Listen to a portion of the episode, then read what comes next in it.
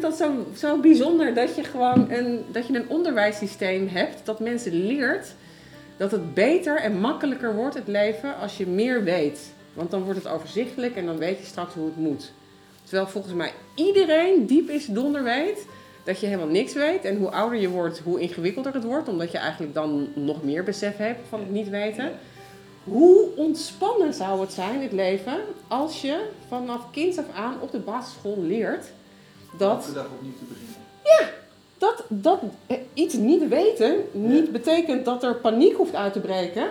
Maar dat er een mogelijkheid op je ligt te wachten. Ja. Hoe relaxed zou het leven dan zijn? Dit is een podcast in de serie Pedagogiek, Onderwijs en de Beleving van de Kunsten.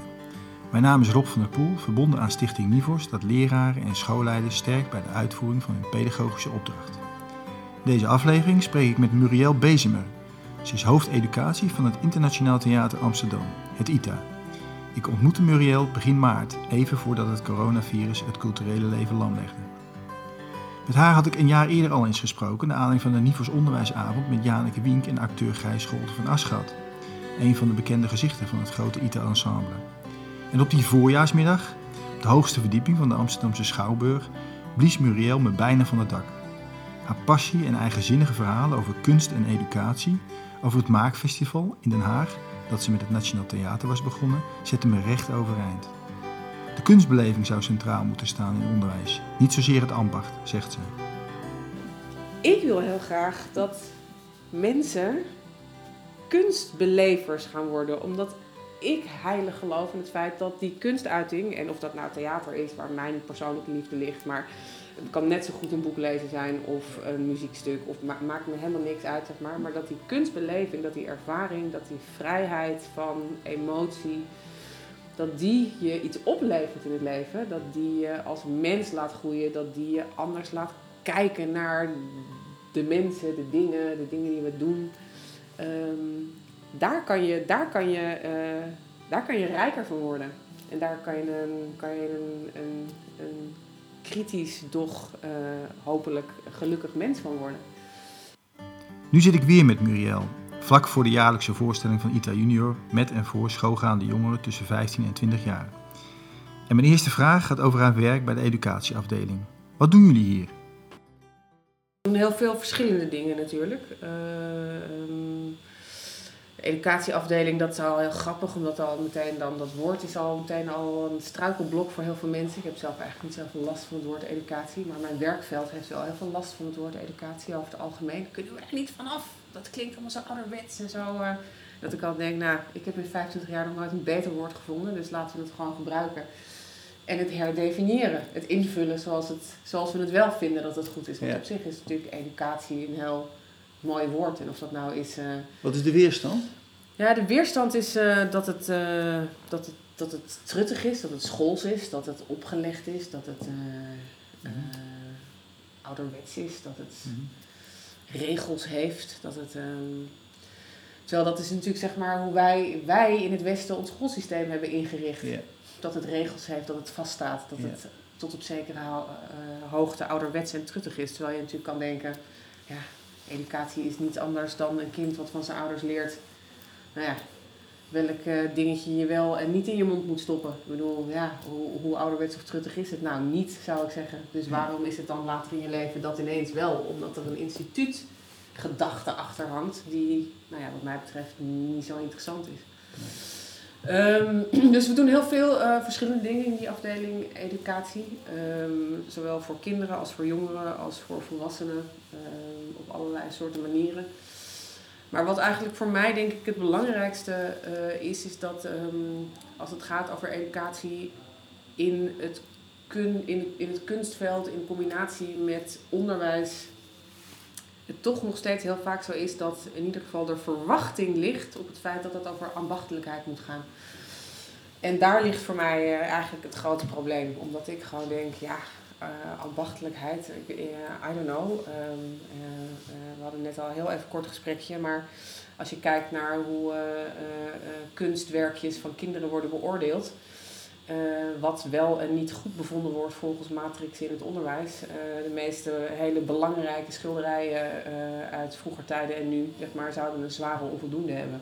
Wat zegt dat over ons systeem? Dat een schilderij van Picasso een onvoldoende heeft, maar dat het werk van jouw kind op de middelbare school wel zo Ja. wordt beoordeeld. Ja.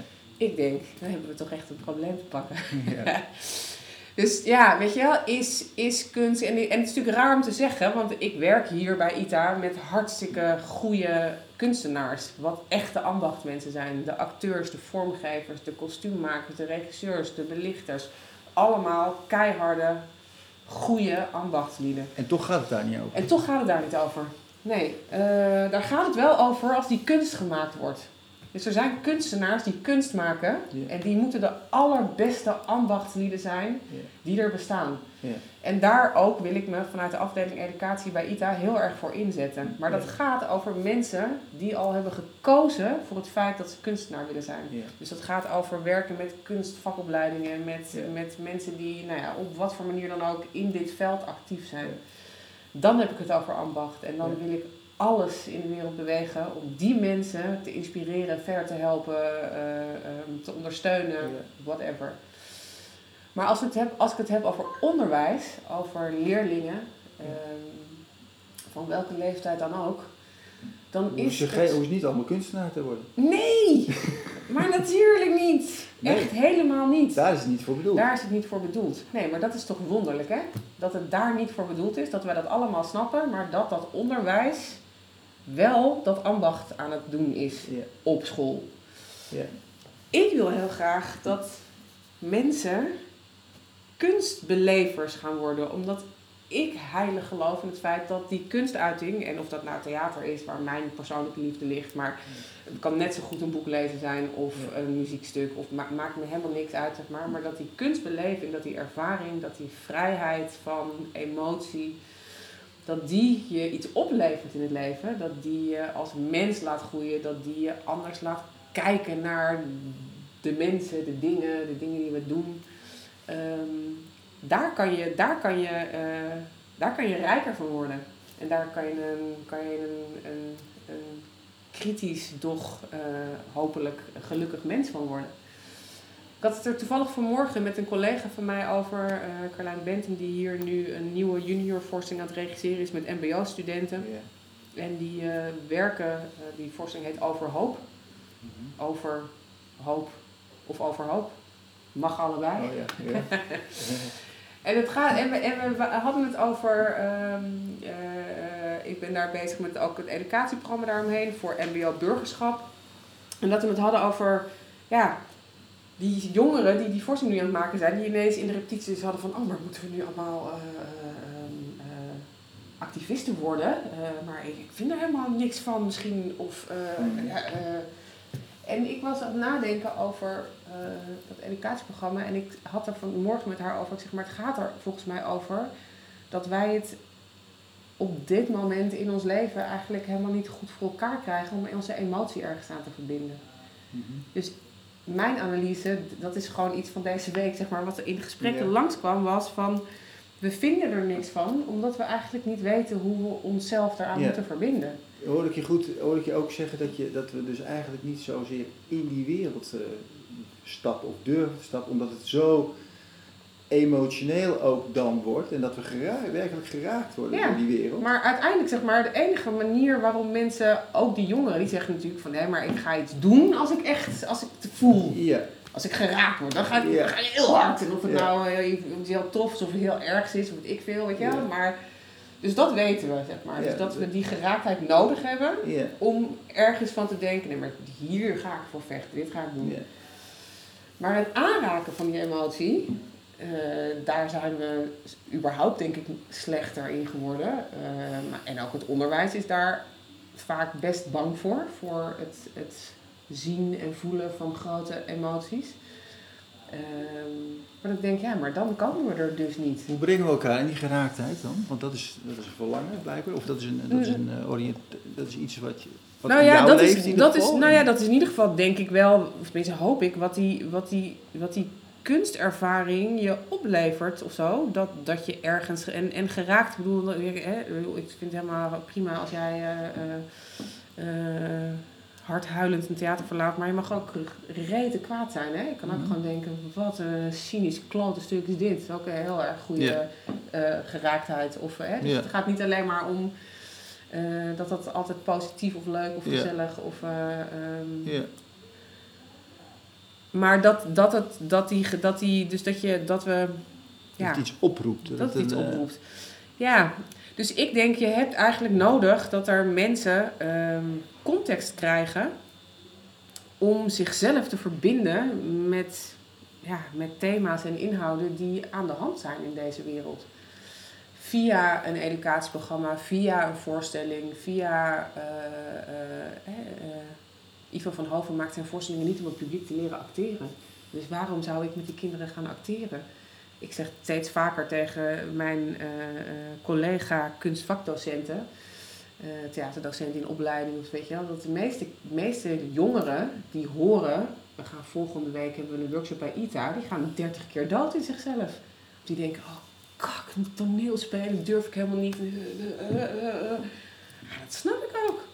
Het is namelijk ook dodelijk eng om toneel te spelen. Ik heb een groot respect voor acteurs. Echt fantastisch. Ik vind ze ook knettergek.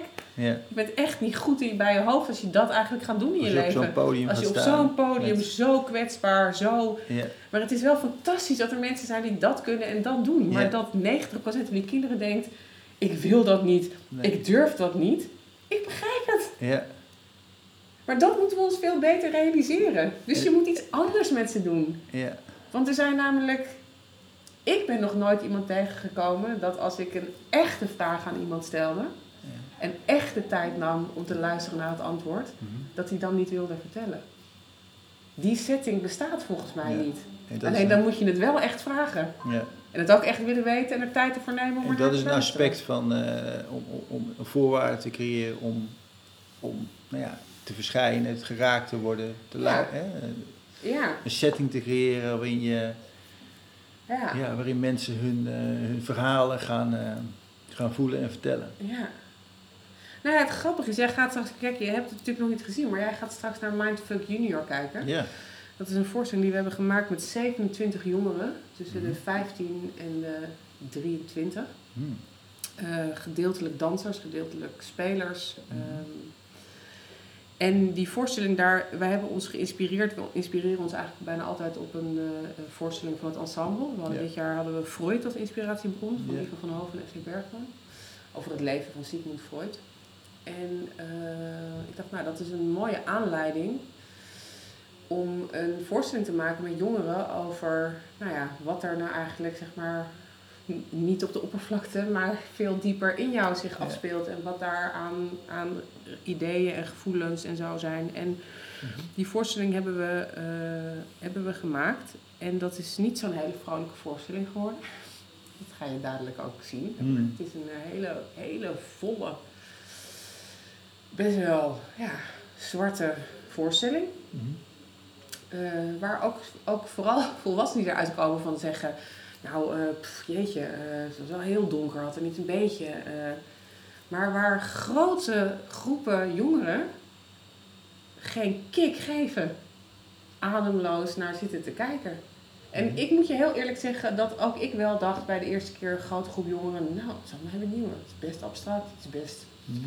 pittig, het is best veel, het is best wel niet zo heel. Nou ja, je bedoelt, ze zijn zo geroerd nou ja, ik weet, niet, ik weet niet of het ja, of ja, geroerd of in ieder geval. Uh, kijk, alles wat jij straks op het toneel gaat zien, zeg maar, zijn het, al die teksten, al die beelden komen uit de jongeren zelf. Uh, die zijn wel, yeah. wel met een tekstschrijver sommige dingen bewerkt, maar het zijn allemaal dagboekfragmenten, improvisaties, schrijfopdrachten.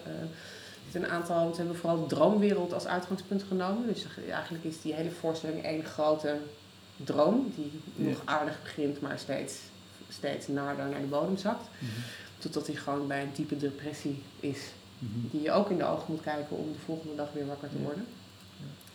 Uh, maar dat ik wel de hele tijd denk, ah, maar dat is het natuurlijk ook wel. De noodzaak van die jongeren op dat toneel. Om te laten zien, zeg maar, dat ze dat ze dit ook zijn. Dat ze Ja. ook gewoon zwaar en donker zijn. En dat ze het moeilijk hebben. En dat ze in de eerste eh, paar repetities bijna allemaal zeggen... Ja, ik ben gewoon een soort robot op die school. Zeg maar. Ik doe gewoon wat ik moet doen, zeg maar. Maar nou ja, dat ik mezelf daar eh, voel of eh, Mhm. laat zien, nou, niet echt. Mhm. Dan heb je twee dagen contactimprovisatie gedaan, allemaal een blinddoek op, gewoon en muziek aan en, en iemand aanraken. Gewoon Mm. überhaupt, gewoon contact, letterlijk. Dat ze echt op een gegeven moment zeiden van ja, ik heb echt ineens weer het gevoel dat ik mens ben. Je denkt, wat? Maar het is, ik vind dat ook heel heftig, dat er dus zeg maar Ja, ik- 27 jongeren daar eigenlijk staan Ja. te vertellen ja. dat ze het gewoon heel zwaar hebben. En ze hebben momenten gehad, kan ik me voorstellen, dat ze ook dat ze zoveel meemaakt dat ze misschien een neiging hadden om eruit te, te, te schieten. Of, Mm, Nee, of- eigenlijk nee? helemaal niet. Nee. Nee, maar ze zijn wel allemaal heel erg overtuigd van het feit dat het ook eens goed is om dit te laten zien. ja. Om, dit, om dit verhaal van hun Ja. te laten zien. In Nee, plaats van het net- idee van het zijn allemaal vrolijke Facebookers en alles gaat goed. En, eh, Ja. Maar we hebben net, eh, net sprak je het ook al even over. Hè? Je hebt kunst eh, en dat wordt, eh, of, eh, er wordt een, een voorstelling gegeven. Maar eigenlijk begint het daar dan pas. Hè? Dat het publiek dat, dat, dat kijkt, in dit geval Ja. jongeren ademloos toe. ja. Maar eigenlijk begint het, begint het de, de beleving, de kunstbeleving, daar waar je natuurlijk zo ontroerd wordt of geroerd wordt. ja, Eh, dus de- dan is die, die, die, nou ik zou bijna zeggen nazorg, of, of die ruimte die je dan creëert, ja, die is heel essentieel. ja, Van wat, wat, wat zegt dat, eh, Ja. dat stuk, eh, in hoeverre spreekt dat tot mij? ja. En eh, nou, ik ga er zo meteen in natuurlijk. ja. Eh, maar het is eigenlijk- jammer dat je de workshop mist, want die zijn ze nu al aan het doen, die jongeren. Ja, En dat is echt een workshop waar ze de eerste half uur van de, drie kwartier van de workshop allemaal met hun eigen koptelefoon, met hun eigen iPodje, eh, in een soort geleide, nou ja, geleide fantasie, door- in een soort stem door hun eigen belevingswereld heen worden geleid. Dus ze worden ook wel al een soort van ingewerkt op, ja, wie ben ik eigenlijk, wat laat ik zien, wat laat ik niet zien. Nee, de, de jongeren die gaan kijken. oh is- Ja. oké. Ja, dus die hebben al van tevoren zijn die al bezig eigenlijk met, nou ja, door ons in soort stapjes. Naar hun eigen kern te komen. Of, of ja, kan, lukt het je dan? En daarom zijn die koptelefoons eigenlijk heel goed. Want eigenlijk, dat is natuurlijk wat we allemaal met onze telefoons in de trein al doen. Maar je kan, je- als je je gaat afsluiten, Ja. ja, dan, dan, dan moet je ook eh, met jezelf zijn. En als je dan vragen gaat stellen, gebeurt er iets anders in mensen dan eh, altijd maar in die groep, altijd maar denken, nou ja, ik, ik zeg maar gewoon iets leuks. Want ja, weet je wel, anders dan is de buurman weer er als eerste bij om te zeggen, ja, maar jij zegt altijd dat, of jij bent altijd... eh, Ja. Dus dan, Mhm. maar het fascineert me zeg maar gewoon ook weer, daar gaat het ook over. Hè? Dus wat mag die emotie er zijn? Mag, wat, wat bestaat er wel of niet? Weet je wel? Durf je als. Ik, bedoel, ik begrijp heus wel dat er ook heel veel. Dat zijn ook heel veel docenten die natuurlijk wel goed proberen. Hè? Maar ik begrijp ook wel dat het best wel spannend is of, eh, om mensen naar hun depressie te vragen. Maar ik denk aan de andere kant. Maar er zijn er zoveel. Er zijn zoveel jongeren die zich zo Ja. voelen. Dus, En dat gesprek wordt eigenlijk niet tot nauwelijks gevoerd. ja. Tenzij bij de psycholoog dus we blijven veilig weg in een kamertje ergens anders. Ja, dus er zijn twee eh, krachten. We blijven ervan weg, ook de jongeren zelf. Maar, Ja. maar er zit een diep verlangen in ons om, om daar toch contact mee te maken. Ja, en met elkaar ook. En met elkaar en daar in elkaar te horen. Ja. Dus uiteindelijk denk ik gewoon toch, kijk, daarom vind ik, ik vind dat heel grappig. Mijn directeur die gebruikt af en toe voor theater het woord eh, eh, urban retreat. Vind ik zelf een vrij grappige eh, insteek, je? Omdat eigenlijk een retraite sowieso, maar goed, weet je wel, dus we gaan wel naar de sauna, weet je wel? Dus we gaan wel, daar nemen we dan tijd voor onszelf. Of, Ja. Ik eigenlijk denk, eigenlijk is, is het theater is gewoon een soort mentale sauna. Ja.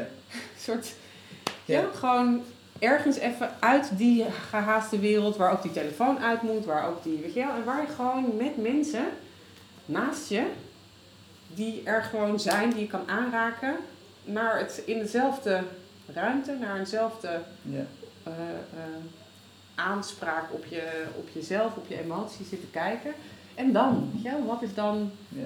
Wat, wat beleef je met elkaar? Wat is de volgende stap daarin? Welk gesprek voeren we daarover? Welke, welk maakproces komt daar in jezelf op los? Eh, Dus nu raken we een, een, een, een- een functie of een bedoeling misschien wel van, van, van waar kunst en, en, en onderwijs elkaar eh, eh, misschien raken. Hoe kijk jij, wat, wat, wat is voor jou het waartoe van onderwijs? Hè? Dus wat, als je dat voor Ja. jezelf... eh, Nou ja, ik denk het grappige is dat ik denk dat dat, dat precies eigenlijk het gesprek is wat we eens echt zouden moeten voeren. We kunnen in curriculum.nu, weet ik veel, eh, allemaal, want iedereen die daaraan werkt, werkt zich helemaal uit de naad. Mhm. Ik ken er een aantal ook in de vakgroep eh, eh, kunst.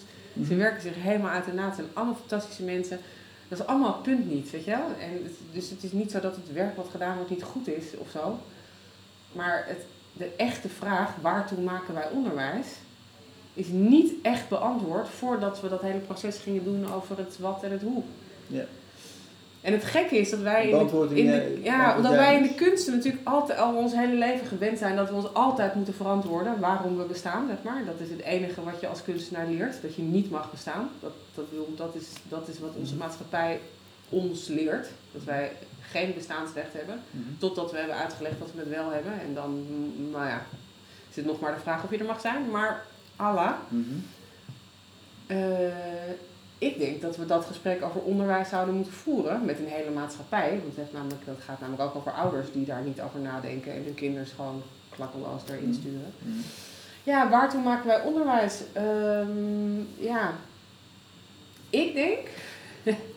en dan ga ik altijd, eh, maar goed, ik ben sowieso wel van de grote woorden. Maar ehm, eh, het onderwijs moet mensen leren mens zijn. Want met alles wat er nu op ons afkomt, met een geglobaliseerde wereld, met eh, de informatiemaatschappij zoals we het hebben, met artificial intelligence die al bestaat, maar die alleen maar meer wordt en groter en eh, eh, waarvan we allemaal niet weten wat dat betekent, welke impact dat heeft op Mhm. ons als mensheid, want dat weten we namelijk niet. Mhm. We hebben geen idee wat er voor ons staat. Mhm. Als dat, als dat is wat er aankomt, als dat de toekomst is, dat we eigenlijk ons leven niet begrijpen, omdat we niet, we zien wel beelden uit Syrië, maar we hebben geen idee hoe we ons daartoe moeten verhouden. Mhm. Eh, eh, we, we hebben wel 30 reclames van pindakaas, maar eh, ik weet echt helemaal niet hoe ik de beste moet kiezen. Nou ja, er zijn robots die voor ons organiseren dat we wel of niet het eeuwige leven krijgen. Maar wat dat betekent, overzie ik ook niet. Mhm. Dan is het enige wat je moet leren, volgens mij. Ja, je moet toch leren om zelf kritisch na te denken over de vragen die op je afkomen. Dus je moet mens zijn, zeg maar. En mens zijn is volgens mij een aantal dingen. Dat is Ja, wat is namelijk. mens zijn? Ja, mens, mens zijn is eh, eh, ethiek. Want dat is natuurlijk uiteindelijk toch wat de mens scheidt van het dier. Ik, eh, ik, ik eet jou op omdat ik honger heb, maar wij kunnen zeggen, maar dat doen we niet, want. Ja. Dus zeg maar, het gaat over ethiek, over ethisch kunnen nadenken. Dus het gaat over echt over kritische denkvaardigheden. In, het, Is in dat wat ik het doe echt wenselijk? betekent. Is dat wat ik doe wenselijk ook voor, voor de ander en voor het geheel? Ja, nou ja, of in ieder geval daar afwegingen, of in ieder geval leren welke afwegingen daarin, dat er afwegingen in te maken zijn. En dat het maken van afwegingen iets leerbaars is. Dus dat je hersenen beter worden in afwegingen maken Ja. Als je dat vaker doet, zeg maar. Het is ook een principe wat je kan leren. Ehm, en dan kan je nog steeds ervoor kiezen om een afweging te maken die beter is voor jou dan voor het grote geheel. Ik, bedoel, ik, ik heb geen waarde over wat de afweging moet zijn. Ik vind alleen wel dat mensen moeten leren dat er afwegingen te maken zijn, überhaupt. Want daar gaat wel heel veel mis eigenlijk. Ehm, daar gaat het eh, eh, natuurlijk over contact. Maar dat is eigenlijk, ja, weet je, wel, wij zijn ook mens, zeg maar, omdat er Mhm. andere mensen zijn. Dus als het contact niet bestaat, weet ik ook niet precies meer waar Het leven vanuit gaat. verbondenheid. Ja, en, en wat volgens mij ons mens maakt, en dat is ook interessant, is dat wij ehm, hersenen hebben die processen kunnen overzien. Mhm. Eh, dus die op een gegeven moment op een bepaalde leeftijd niet meer alleen maar in het moment kunnen functioneren, maar die kunnen overzien wat er komt of wat er gaande is. Of, eh, Mhm. En het gekke is natuurlijk dat wij met z'n allen ook heel erg in een wereld terecht zijn gekomen waarin die processen allemaal vastgelegd zijn geraakt. Terwijl juist, zeg maar, ik, bedoel, ik vind het altijd te gek, zeg maar, dat je, ik bedoel, ik vind taart bijvoorbeeld, vind ik echt iets waanzinnigs in het leven. Fucking taart! Er is ooit iemand heeft bedacht dat als je een ei van een kip neemt en daar dan alleen het geel van gebruikt, Ja. En dat gooit bij, bij een plantje wat je eerst hebt gedroogd, hebt fijn gemalen, weet ik, nou, enzovoort. Ik denk gewoon, hoe bizar is dat? Dat wij taart eten. Dat is te gek. Dat is mens zijn. Dat we op een of andere manier ergens taart hebben ontwikkeld. Super cool. Dus ik vind dat je heel veel taart moet eten in je leven. Dat is heel belangrijk. Taart is fantastisch. Maar dat principe, zeg maar, dat, dat, dat eigenlijk elk proces elke dag opnieuw weer is. Het zou een taart kunnen zijn. Ik denk, daar, daar- die lol hebben wij gewoon helemaal niet meer, of zo, denk ik. Mhm. Ik denk van, ik vind dat zo, zo bijzonder dat je gewoon een, dat je een onderwijssysteem hebt dat mensen leert dat het beter en makkelijker wordt het leven als je meer weet. Want dan wordt het overzichtelijk en dan weet je straks hoe het moet. Terwijl volgens mij iedereen diep is donder weet dat je helemaal niks weet. En hoe ouder je wordt, hoe ingewikkelder het wordt. Omdat je eigenlijk dan nog meer besef hebt van Ja. het niet weten. Ja. Hoe ontspannen zou het zijn, het leven, als je vanaf kinds af aan op de basisschool leert dat, Elke dag opnieuw te beginnen. Dat, dat eh, iets niet weten niet betekent dat er paniek hoeft uit te breken, Ja. maar dat er een mogelijkheid op je ligt te wachten. Ja. Hoe relaxed zou het leven dan zijn? Ja. Ik denk gewoon, ja, schiet mij maar lek, ik begrijp het gewoon niet. Ik heb eh, eerder iets gelezen over je, van jou en toen zei je ook van iedere dag bedenken hoe je gebeurt. Ja, je moet zelf iedere dag bedenken hoe je, hoe je gebeurt. gebeurt. Dat is een zin die je op mijn grafsteen kan kerven. Dat is een, een zin uit een boek van Harry Gele, het boek van Jan. Ik wil iedereen aanraden om sowieso alle boeken van Harry Gele over Jan Ja. te lezen. Ze zijn namelijk allemaal fantastisch. Maar dat, je moet elke dag zelf bedenken hoe je gebeurt. Ja. Ja, je kan wel, je kan wel, natuurlijk kan, want ik- in dat boek komt op een gegeven moment een buurmeisje binnen, zeg maar. En een buurmeisje die zegt, jij bent stom. En dan denk je, ja, je kan natuurlijk denken, oh god, de buurmeisje zegt dat ik stom ben. Nou ja, dat zal dan wel. Nee, tuurlijk niet. Hoezo? Weet je wel, wat, je moet zelf nadenken over of jij vindt dat je stom bent of niet. ja. ja. Hey, de vraag ook, eh, we hebben het, eh, je beantwoordt nu even waartoe van onderwijs, wat daar eh, onder zou kunnen vallen. Ja. En dan hebben we de kunst, de wereld van de kunst. Ja, nou kijk, wat een, wat een mooie combinatie natuurlijk is, is dat er volgens mij twee vakken zijn in het leven, namelijk de kunst en de filosofie.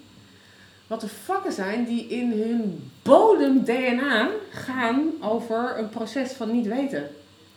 Dat is het enige proces wat kunstenaar ingaat. Ja. Dat repetitieproces, dat spelen, dat onderzoeken, Mhm. daar is de vrije wereld om in dat onderzoek eh, te denken: oh. We gaan rechts. Of oh nee, links. Of dat ik toch denk: ik dacht gisteren dat we rechts moesten, maar nu denk ik Ja. toch dat het ineens links is. Ja. Nou, hè, dus, dat, dus, dus dat, dat onderzoeksproces zit in het DNA van een kunstenaar. En daarom, zeg maar, is het zo, is het zo fascinerend dat het niet gewoon het bodemvak van het onderwijs überhaupt is. Ja. Dus ik denk gewoon, en dan gaat het, gaat het mij dus niet over dat je dan dus moet leren ambachtelijk kunst te maken, volgens de regels van eh, nou ja, het verdwijnpunt op de horizon, of dat je toch echt niet met je rug naar een publiek moet toe gaan staan.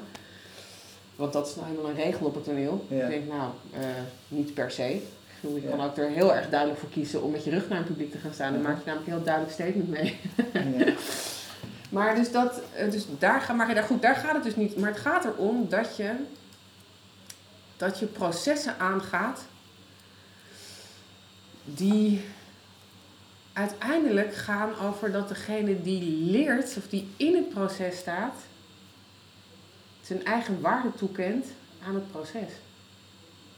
Mhm. En daarmee zeg ik niet, zeg maar, want dat krijg ik dan altijd, ja, maar moeten mensen dan niet meer leren en eh, schrijven en lezen? En tuurlijk, Dan komt het woord eigenaarschap eh, bij mij op. Ja, is dat zeker. Te, is, is dat weer te plat uitgedrukt? Nee, nee, nee, nee, ik denk niet. Dat gaat ook over eigenaarschap. Alleen, Of, wat, of alleen wat betekent eigenaarschap?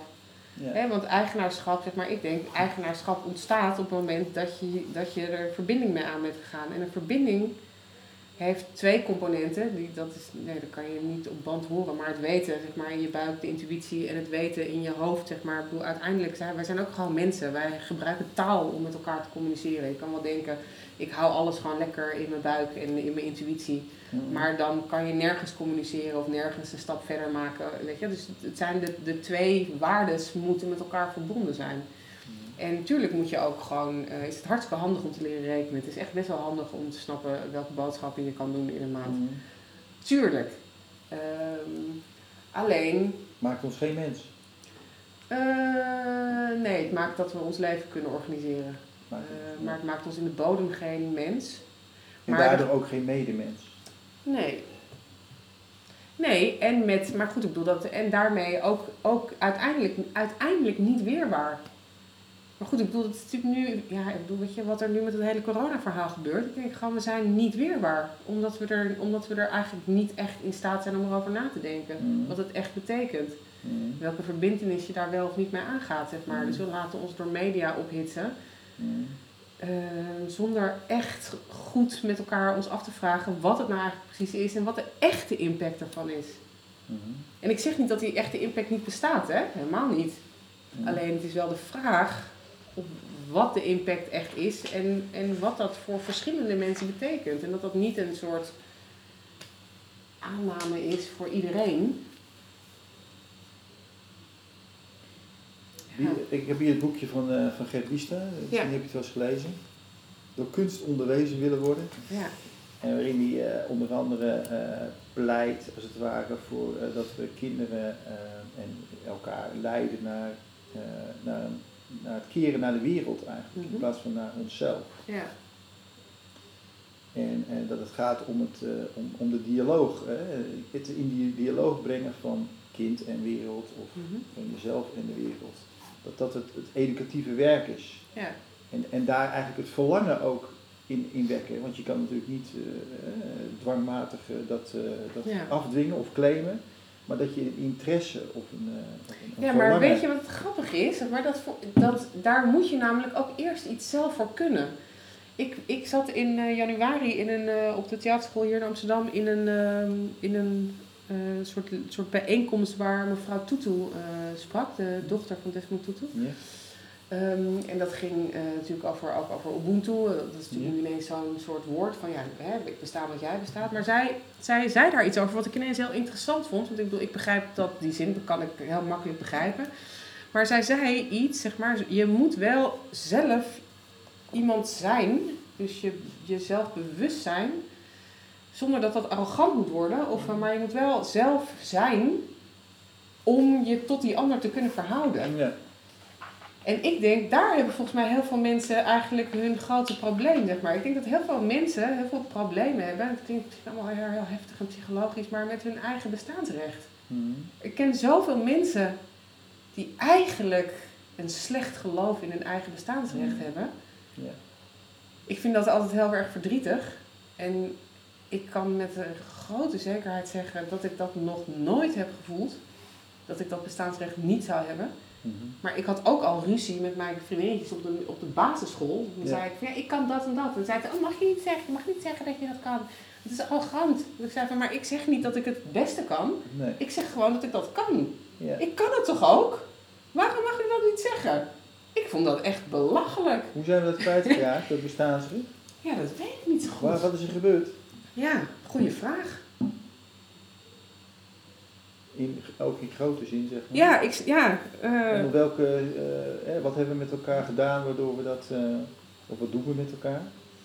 Waardoor we dat zo zijn gaan ervaren of dat zijn gaan voelen, dat we dat bestaansrecht soms gewoon helemaal kwijt zijn. ja, Dat we ja. Ben ik wel goed genoeg? Kan ik wel? Mag ik wel meedoen? Is het... in, op de aarde, zeg maar. Ja. Landen op. Ja. Ja, ik weet het niet, zeg maar. Ja, je kan, je kan, daar kan je, ik weet dat niet, zeg maar. Je kan er allerlei dingen over zeggen. Ik bedoel, je kan zeggen, eh, godsdienst heeft niet per se bijgedragen met het idee van eh, Adam en Eva en erfzonde. En eh, we zullen nog wel eens zien of jij eigenlijk wel goed genoeg bent tot je bij de hemelpoort staat. Zou je kunnen zeggen. Maar ik denk ook, nou ja, het is ook een beetje raar om te zeggen dat alle gelovige mensen geen bestaansrecht zouden voelen. Weet je? Ja. Dus ik denk gewoon, dat is, nou ja, we hebben natuurlijk wel een soort van druk ook op prestatie op, je moet meedraaien, je moet, eh, dus als je dat niet bij kan benen, ja, weet je wel. Ja. Eh, het hele idee natuurlijk van lager onderwijs, middelbaar, mbo'ers, zeg maar, die allemaal al denken, ja, nou ja, met mij wordt het nooit wat. Mhm. Die hebben allemaal al een, een, een minderwaardigheidscomplex van hier tot overmorgen. Ja. Alleen al omdat ze niet op hoger onderwijs zitten. Wat de fuck Mhm. is dat, weet je? Ja. Eh, nou ja, het zit natuurlijk op heel veel eh, Ja. En daar, en daar, tenminste dat hoor ik in, in jouw eerdere verhalen ook, daar kan de kunst, of dat wat kunst eh, teweeg kan brengen, ja, kan een rol spelen om, om weer te zit- verschijnen, Ja, te misschien, ja. te Ik zien hoop en het. gezien te worden in, In wie je bent. in wie jij als mens bent. Ja, omdat ik in ieder geval denk, hoop in ieder geval als mensen voor mij werken, voor mijn eh, eh, educatieafdeling, dat dat het enige is wat ik van je wil als kunstenaar. Dat je eh, een procesbegeleider bent die zin heeft om te zien wie er voor zich staat. En om te kijken of daar een onderzoek mee te doen is om te bedenken hoe we met elkaar zijn. Ja. En, dat kan, en dan kan je allerlei thema's inleggen, weet ik veel, weet je wel. Maar in principe Ja. is het wel gewoon met elkaar in het moment zijn en onderzoeken. Nou ben jij ook, eh, wat ik al eerder eh, aan refereerde, eh, een van de initiatoren geweest van het Maakfestival. Hè? Ja. Het maken, het makersonderwijs. Ja, En het belang daarvan, dat je iets doet, dat je iets maakt, dat leg je als het ware tegen deze eh, gebieden van onderwijs en, en, en, en, en kunst aan. Tenminste, zo Ja. ervaar ik het. Nou ja, het is wel belangrijk misschien om te zeggen dat maakonderwijs natuurlijk eh, over het algemeen vaak met technologie en wetenschap in verband wordt gebracht. Ehm, wij hebben eigenlijk met dat project bij het Nationaal Theater gezegd, maar eigenlijk, eigenlijk gaat er iets aan vooraf nog, aan, dat, aan het maken Ja. van dat, dat technologische ding, namelijk heb ik het nodig? Wat heb ik nodig? Ja. Wat wil ik eigenlijk maken? We kunnen wel met z'n allen een robot gaan bouwen en dan snap ik echt prima dat alle 24th century skills voorbij komen. Dat we creatief moeten zijn, dat we moeten samenwerken. Het is allemaal waar. Ja. En ook allemaal belangrijk. Ja. Alleen ik denk, je hebt je niet afgevraagd of je die robot eigenlijk wel wilde hebben. Ja. Of die nodig was voor, voor de dromen die jij hebt. Kijk, wat kunst, waar kunstenaars goed in zijn, is verhalen eraan verbinden. Mhm. Hè, dus het verhaal van jezelf en eh, jezelf ten opzichte van de maatschappij waar je in functioneert. Daar moet uitkomen of jij een robot nodig hebt Ja. of misschien gewoon een vishengel. En zeg je nou inderdaad, als je jezelf eraan verbindt, dan kan je bij wijze van spreken ook bijna geen dingen meer maken die, eh, ja, die eh, misschien wel verwerpelijk zijn of zo. Of wat, wat misschien waarbij, nou ja, daardoor kan je misschien de vraag beter beantwoorden of het, of het zinvol Of het is zinvol is, of het nuttig is, Of of, jij het wil is hebben. wat je of aan het doen het, bent. Ja, als je jezelf eraan verbindt. ja. Ja. Kijk, ik vind ook altijd het. Kijk, nogmaals, ik bedoel, ik, ik zeg niet dat kennis opdoen niet geen belang heeft. Alleen die kennis, als kennis niet gevuld is door ervaring of persoonlijke noodzaak, dan betekent die kennis gewoon niks. Ja, mijn dochter was, ze was tien of twaalf, weet niet meer. Toen zei ze, mama, ik wil ook Facebook. En ik zei van, ja, maar jij weet niet wat. Ja, ja, ja, weet ik wel. Dat er allemaal, dat er ook gevaarlijke mensen op internet, weet ik wel. Ik denk, ja, dat weet jij omdat mensen dat tegen je gezegd hebben. Maar jij kan niet doorvoelen wat dat betekent. Dus jij weet het niet. Misschien moest je het nog ervaren. Ja, precies. Nou ja, dan is, dat is dan natuurlijk de vraag altijd. Hè? Dus dan, dan krijg je bij, in zo'n geval, ja, hoe, hoe, hoe veilig kan je de ruimte maken waarin je dat onderzoek doet. Ja. Hè? Dus ik bedoel, het is ook heel fijn van theater, ook als het gaat over ingewikkelde en moeilijke dingen, dat je in principe in dat repetitielokaal, als het goed is, een veilige ruimte kan creëren waarin onderzoek kan bestaan, waarin je ergens uit kan komen, waarin je, het is ook een beetje oefenen. Het is ook Ja. een beetje oefenen voor het echte leven. Ja. Kunst is ook oefenen voor het echte leven, zeker Ja. Je in een voorstelling tot een emotie verhouden die, eh, waarvan je eigenlijk in het echte leven denkt, "Huh, Ja. doe maar niet, maar oh, hier kan ik even kijken hoe dat, hoe Ja. dat in elkaar steekt. Ja. Ja. Hey, wat is eigenlijk jouw, eh, hoe, hoe ben jij op deze plek gekomen? Of, of dat, waar, waarom zeg jij allemaal dit soort dingen op dat dit soort dingen. Ja, waar, eh, hoe zit jouw biografie in die zin in elkaar? Nou, ik, de biografie begint zeg maar, want daar, dat is natuurlijk altijd het grappige inderdaad van, wat, waar begint het? Het begint bij dat ik het kind ben van een, van een priester en een eh, ontwikkelingspsycholoog. En eh, die ook allebei een theaterdocentenakte hadden. Dus zeg maar, eh, ik kom uit een gezin waar betekenisgeving en het onderzoeken van betekenisgeving en het vormgeven van betekenis Hm. eh, altijd aan de hand was. Ouders hebben elkaar daarop gevonden, denk ik. Op het bevragen ook van kerkelijke traditie, het opnieuw inrichten van eh, rituelen. eh. Hm. en dat is denk ik zeg maar waar, waar ik eigenlijk altijd op door ben gegroeid. Ja. Eh, op, op waar, waar in deze maatschappij, in dit leven, zeg maar, zijn we ons nog aan het afvragen wat onze betekenis is. En via welke ritualisering geef je dat vorm. En, en toevallig is, het, is mijn vorm het theater geworden. Hm. Eh, eh, omdat ik het tekentalent van mijn vader en mijn broer niet had. Wat ik heel stom vind, maar goed, ik kan dan weer theater maken, dat, dat kan ook. Hè? Dus eh, eh, ik denk uiteindelijk je uitingsvorm, zeg maar, maakt volgens mij uiteindelijk dan niet heel veel uit. Maar dat is wel waarom, waarom ik de hele tijd aan het zoeken ben naar, naar het er echt over hebben. Naar, naar proberen echt door te snijden naar wat de dingen zijn. We zijn, wij, zijn, wij, wij leven in een wereld waar, nou ja, ik zei dat net al tegen je, langs dingen scheren, het even aanraken. Eh, gisteren weer studenten aan het, eh, aan het leren over wat, hoe je kan filosoferen met een groep. Ik zeg maar, merendeel van de tijd, en dat is liefdevol bedoeld, hè, zeg maar. Dus, zeggen, dus ik ben met 30 mensen, oké, wat vinden jullie? Oh, jij dit, oh, jij dat, oh ja, jij dat. Oh, de- wat vind jij dan nog? Heb ik in ieder geval iedereen even gehoord. En dan hebben we echt heel erg het gevoel dat we het heel goed gedaan hebben. En dat, iedereen hebben, dat we iedereen hebben betrokken. Super fijn, weet je. Iedereen heeft zich gezien gevoeld. Ik denk niemand heeft zich gezien gevoeld. Want niemand is eigenlijk echt serieus genomen in het antwoord dat hij in die groep legde. Maar neemt zichzelf ook niet serieus. Nee, Dat maar... doe je met elkaar natuurlijk. Hè? Dat doe je met elkaar, maar ook maar ik heb, ik heb een interessant. Ik bedoel, ik heb zo vaak in gesprekken gezeten waar een groep van twintig scholieren bij elkaar zat en dat ik met één iemand een echt gesprek voerde en waar er 19 ademloos aan het meedenken waren. Wat echt veel belangrijker is dan het gevoel van, oh, hebben we, iedereen, heeft iedereen wel iets kunnen zeggen? Heeft iedereen zich wel Ja. gezien gevoeld? Ik heb helemaal niemand gezien. Ja. Je hebt gewoon halve zinnetjes laten passeren. Wat is dat?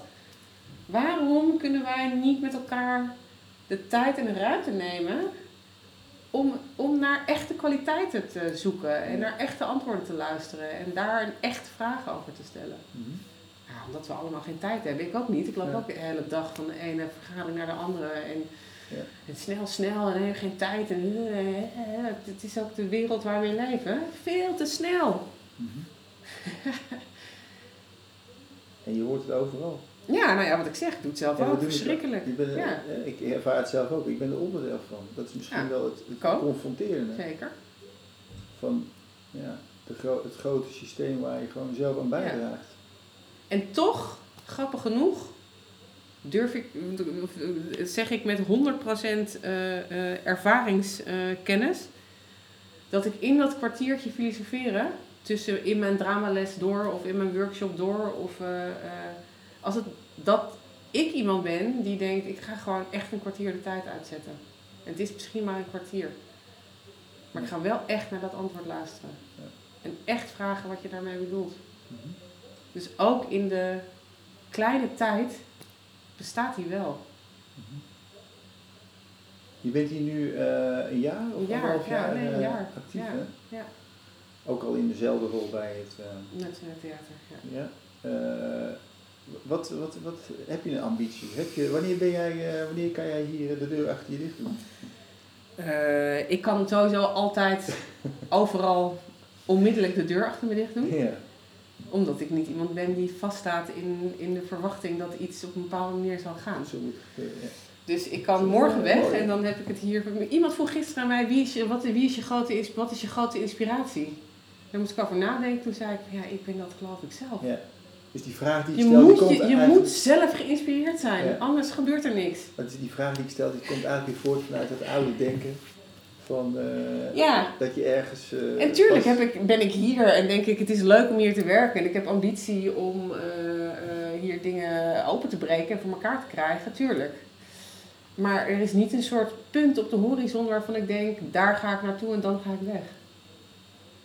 Wat Nee. hoe ben je dit gesprek ingegaan? Heb je, dan een, heb je dan een idee? Heb je dan een... eh, Nee, nee, nee. Of ja, ja, nee. Kijk, er zijn natuurlijk heus wel een aantal gedachten, zeg maar, die ik niet vandaag voor het eerst gedacht heb. Dus er zijn natuurlijk wel, er zijn dingen waar ik, waar ik me ten diepste mee verbonden heb in mijn leven. In mijn, in mijn afgelopen bijna 25 jaar werkende leven. Dat ik denk, oh ja, dit zijn belangrijke dingen. Hier wil ik voor staan of vechten. Maar het is wel, ik bedoel, ik vind, een, ik vind een gesprek altijd leuk. Omdat je nooit weet waar het je brengt. ja, Nooit. nee.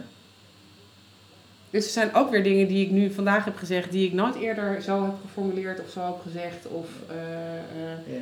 Dus ik denk altijd, oké, gesprek over mijn vak, te gek. Nou, kom maar op. Eens kijken waar het schip strandt. Ja. nou kan ik me ook met ons gesprek herinneren, dat heb ik net ook al aangehaald, van over, dat, over dat maakfestival en ook over ervaringen die ik zelf heb gehad over in een, in een artistieke context. Waarbij ik dacht van, god, hier hadden docenten bij moeten zijn, of hier hadden Ja. mijn collega's bij moeten zijn. Die hadden dan iets gezien of iets kunnen ervaren, waardoor ze net als ik geraakt zouden zijn. Ja. En nou, ons contact was ook eerder ontstaan, omdat we volgens mij daar hetzelfde een beetje in, Ja. in kunnen, kunnen voelen, dat we dat verlangen hebben.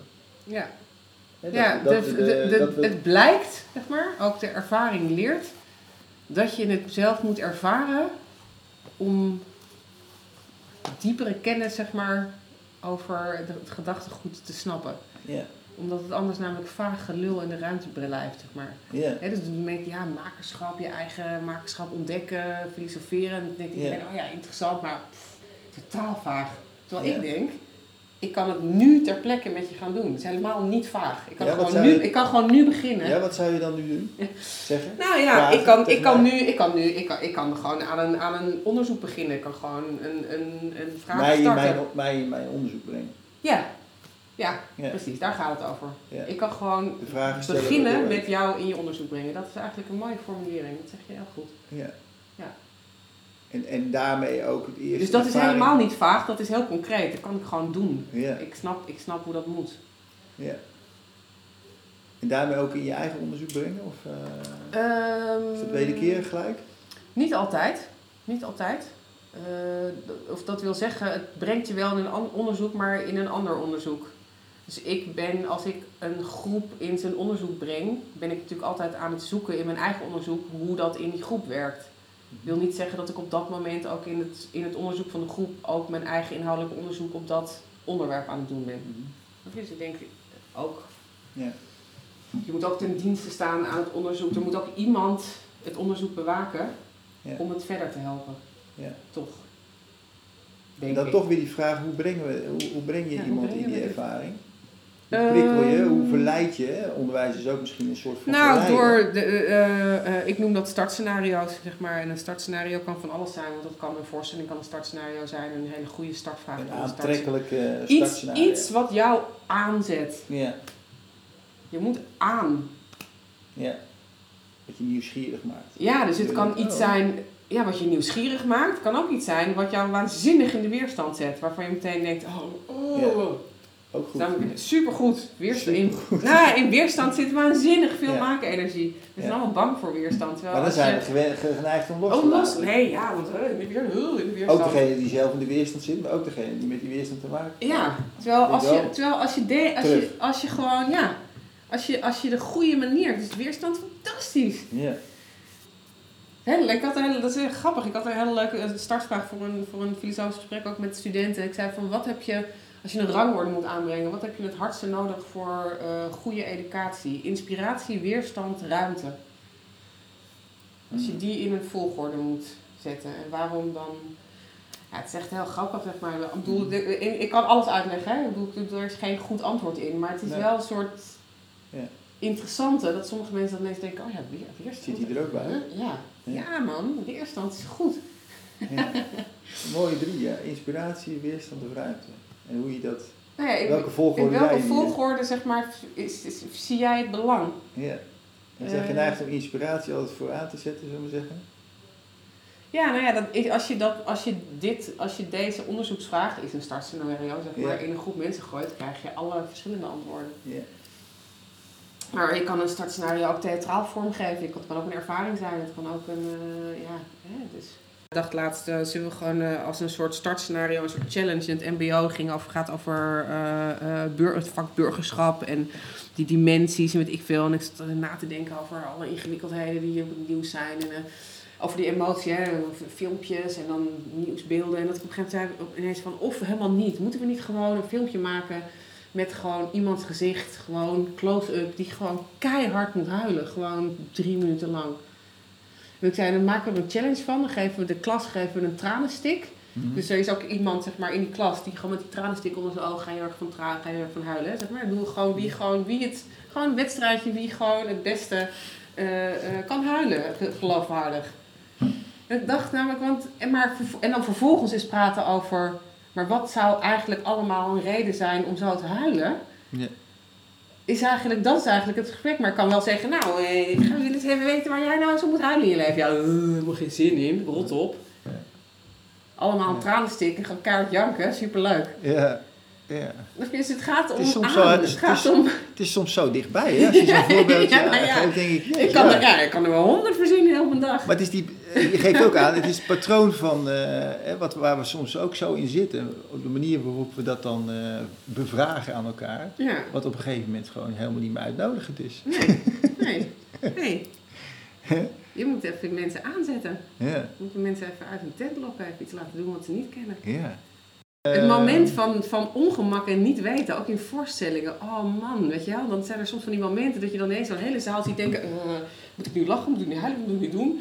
Dat moment is het moment, die, dat, bestaat maar, dat bestaat maar een halve, een halve seconde misschien, weet je wel. Maar dat is wel het moment waarop jij een keus maakt. Ga ik mee met mijn buurman, bedenk iets heel anders, wat vind ik, weet ik veel, wat je Grappig genoeg is dat ook acteren. Acteren gaat over het herkennen van die eerste impuls. Als je echt een goede acteur bent, dan werk je met die eerste impuls. Daar gebeurt het. Daar ben je, daar ben je de ik die een beslissing neemt voor zichzelf.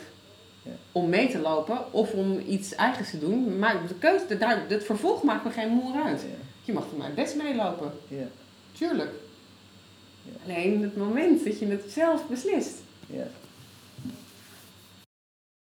dat proces, zeg maar, als je daar gewoon net iets meer kennis van krijgt, zicht op krijgt, zeg maar, kan je er ook keuzes in maken. Mhm. Niet altijd, hè. Ik bedoel, soms, soms word je gewoon door het leven ergens heen geslagen waardoor je het gewoon even allemaal helemaal niet ziet. Of mhm. waardoor, ik bedoel, hè, maar, maar er zijn wel toch altijd gaten te vinden in de tijd waarin je wel kan denken, ja. oh maar deze, deze snap ik, dat doe ik even niet. Ja. Nou, vind ik een mooie afronding. Mooie afronding, zeker. Want het is volgens mij nu ook half twee. Ja. En je afspraken, die, uh, ja, loopt, die, loopt die misschien ergens rond. Even kijken of dat hey, Dankjewel, Mirjam. Yes, graag gedaan. Dit was de eerste aflevering in de serie Pedagogiek, Onderwijs en de Plek van de Kunsten. Deze serie is bedoeld ter inspiratie en laat mogelijk zien dat het domein van de kunst, het onderwijs en de pedagogische opdracht betekenis kan hebben voor jou als leraar. De verhouding van jezelf als leraar tot de ander, je leerling en de wereld verandert. Het onderwijs in jouw praktijk wordt anders, betekenisvoller, ook als je docent wiskunde bent of een leerling die daarin competenties aan het ontwikkelen is. Meer podcasts vindt u op het Nivos podcastkanaal via Spotify en Apple Podcasts. Stichting Nivos sterkt leraren en schoolleiders in de uitvoering van hun pedagogische opdracht. Meer informatie vindt u op de website van Nivos www.nivos.nl.